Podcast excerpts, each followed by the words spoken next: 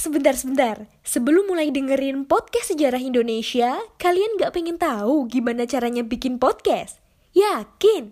Gak susah kok. Coba deh download Anchor Podcast. 100% mudah, 100% gratis. Hai, terima kasih sudah memilih mendengarkan kami, Poseidon.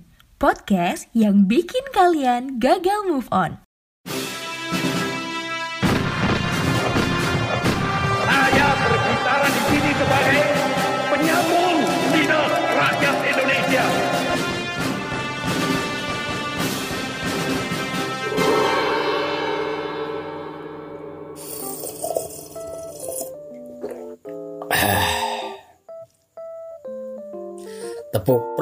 Pramuka. Iya, halo Sobat Poseidon, kita ketemu lagi di konten History for Life. Konten yang membahas tema kekinian dari sudut pandang sejarah. Masih bersama saya, Saifuddin Alif. Dari tepuk tadi, kalian udah tahu dong tema apa yang mau kita bahas? Ya, kita akan bahas tema tentang pramuka.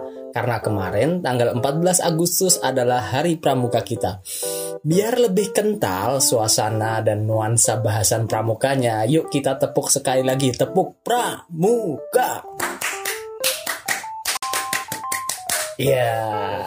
Oh ya, ada lagi. Salam pramuka. Semangat pagi. Iya, jadi inget kan zaman-zaman SD waktu kegiatan kepramukaan gitu kan. Oke, langsung aja kita bahas tentang gerakan kepanduan di Indonesia. Jadi gini kawan-kawan, Gerakan kepanduan di Indonesia itu pertama kali muncul pada masa penjajahan Belanda.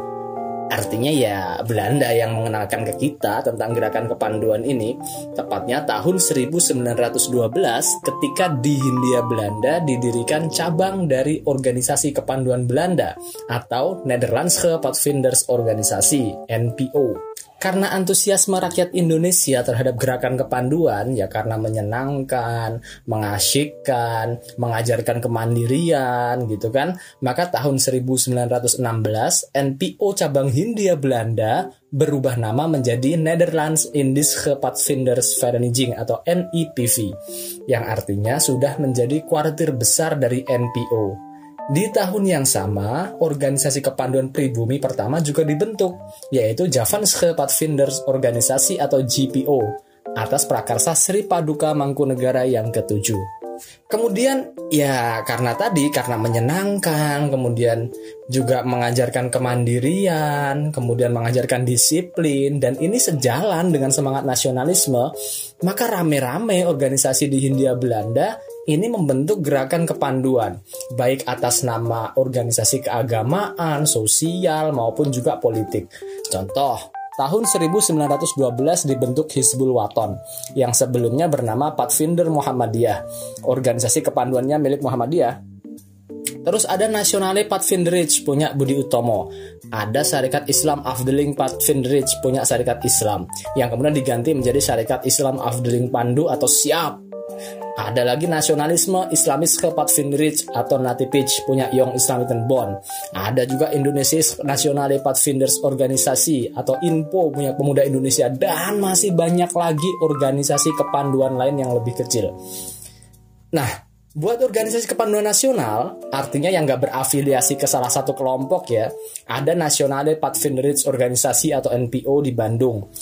Kemudian ada juga Young Indonesisch Padvinderij Organisasi atau JIPO yang didirikan tahun 1923 di Jakarta. Keduanya ini kemudian melebur menjadi Indonesisch Nationale Padvinderij Organisasi atau INPO tahun 1926. Inilah cikal bakal dari gerakan kepramukaan nasional saat ini.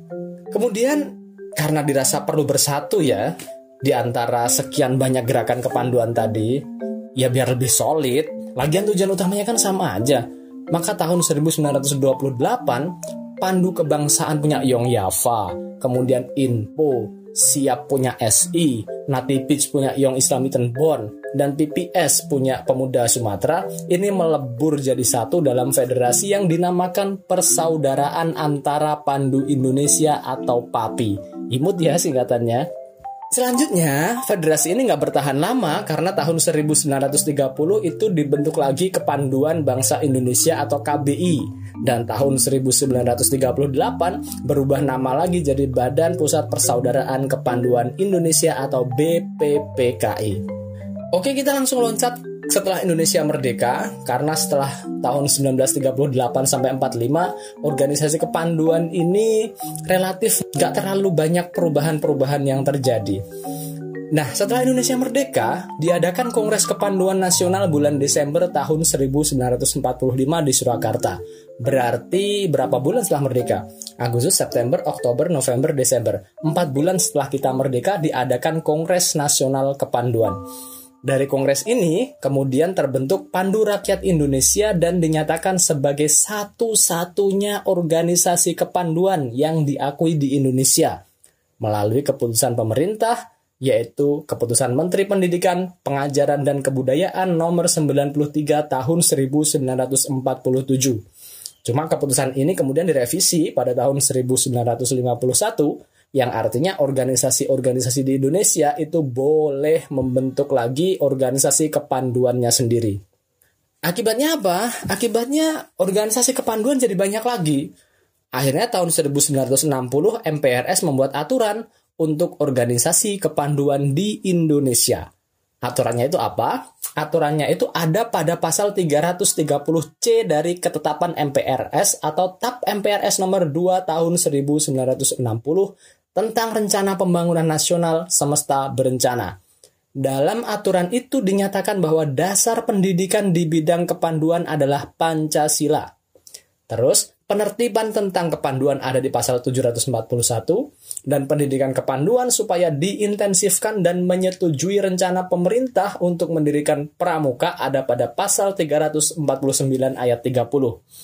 Dan kepanduan supaya dibebaskan dari sisa-sisa ajaran Lord Baden-Powell yang tertuang dalam lampiran C ayat 8.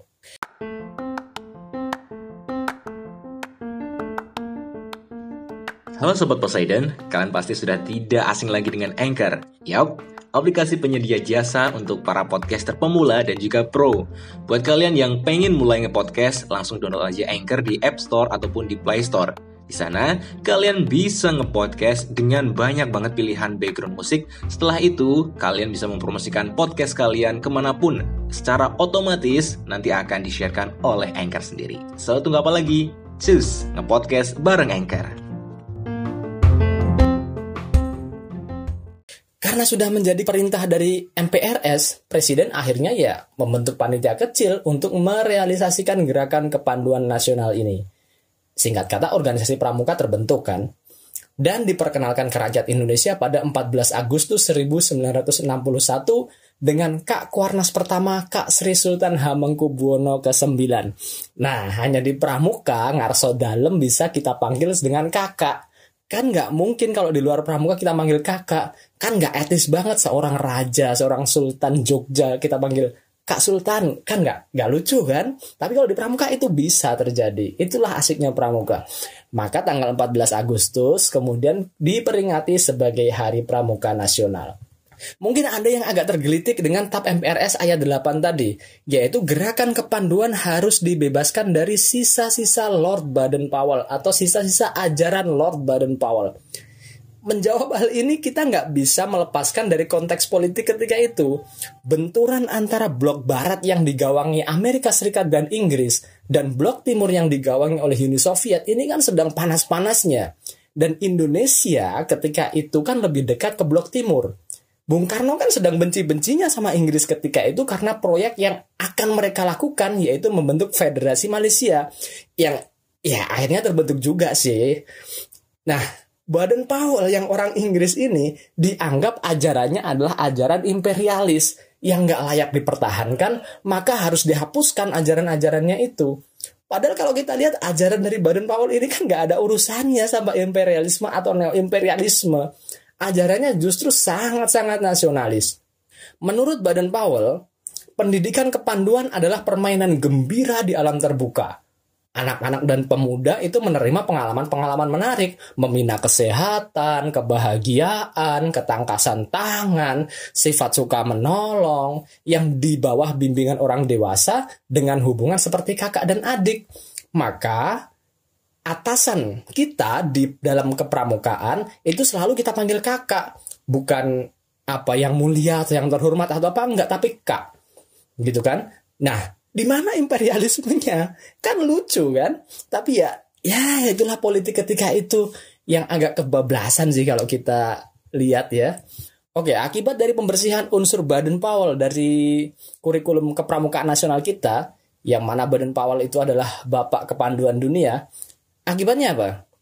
Akibatnya organisasi kepramukaan kita jadi statis, kurang diminati, metodenya kurang menarik, materinya ketinggalan zaman dan ngebosenin banget. Coba lihat aja di SKU itu, materi apaan kayak begitu. Sedih kan kita lihatnya. Bahkan di pramuka, di salah satu poin SKU misalkan, itu ada hafalan surat-surat pendek bagi yang muslim. Ya, ya iya sih itu bagus. Cuma apa iya harus dimasukkan ke dalam kepramukaan? Kan udah ada pelajaran agama di sekolah. Masa iya pramuka ngurusi keagamaan? Ya mungkin ada yang nggak terima. Apa salahnya? Itu kan bagus untuk mendidik karakter dan religiusitas dari siswa. Ya kalau udah ketemu sama orang kayak gini ya udahlah silahkan dilanjutkan kurikulum itu dan ya silahkan aja lihat hasilnya gitu. Dan nggak cuma itu kalian juga bisa lihat sendiri SKU kita. Udah nggak usah saya jelasin lagi di sini baca sendiri aja. Itu udah nggak relevan lagi sebenarnya dengan era digital yang katanya revolusi industri 4.0 ini 4.0 ya.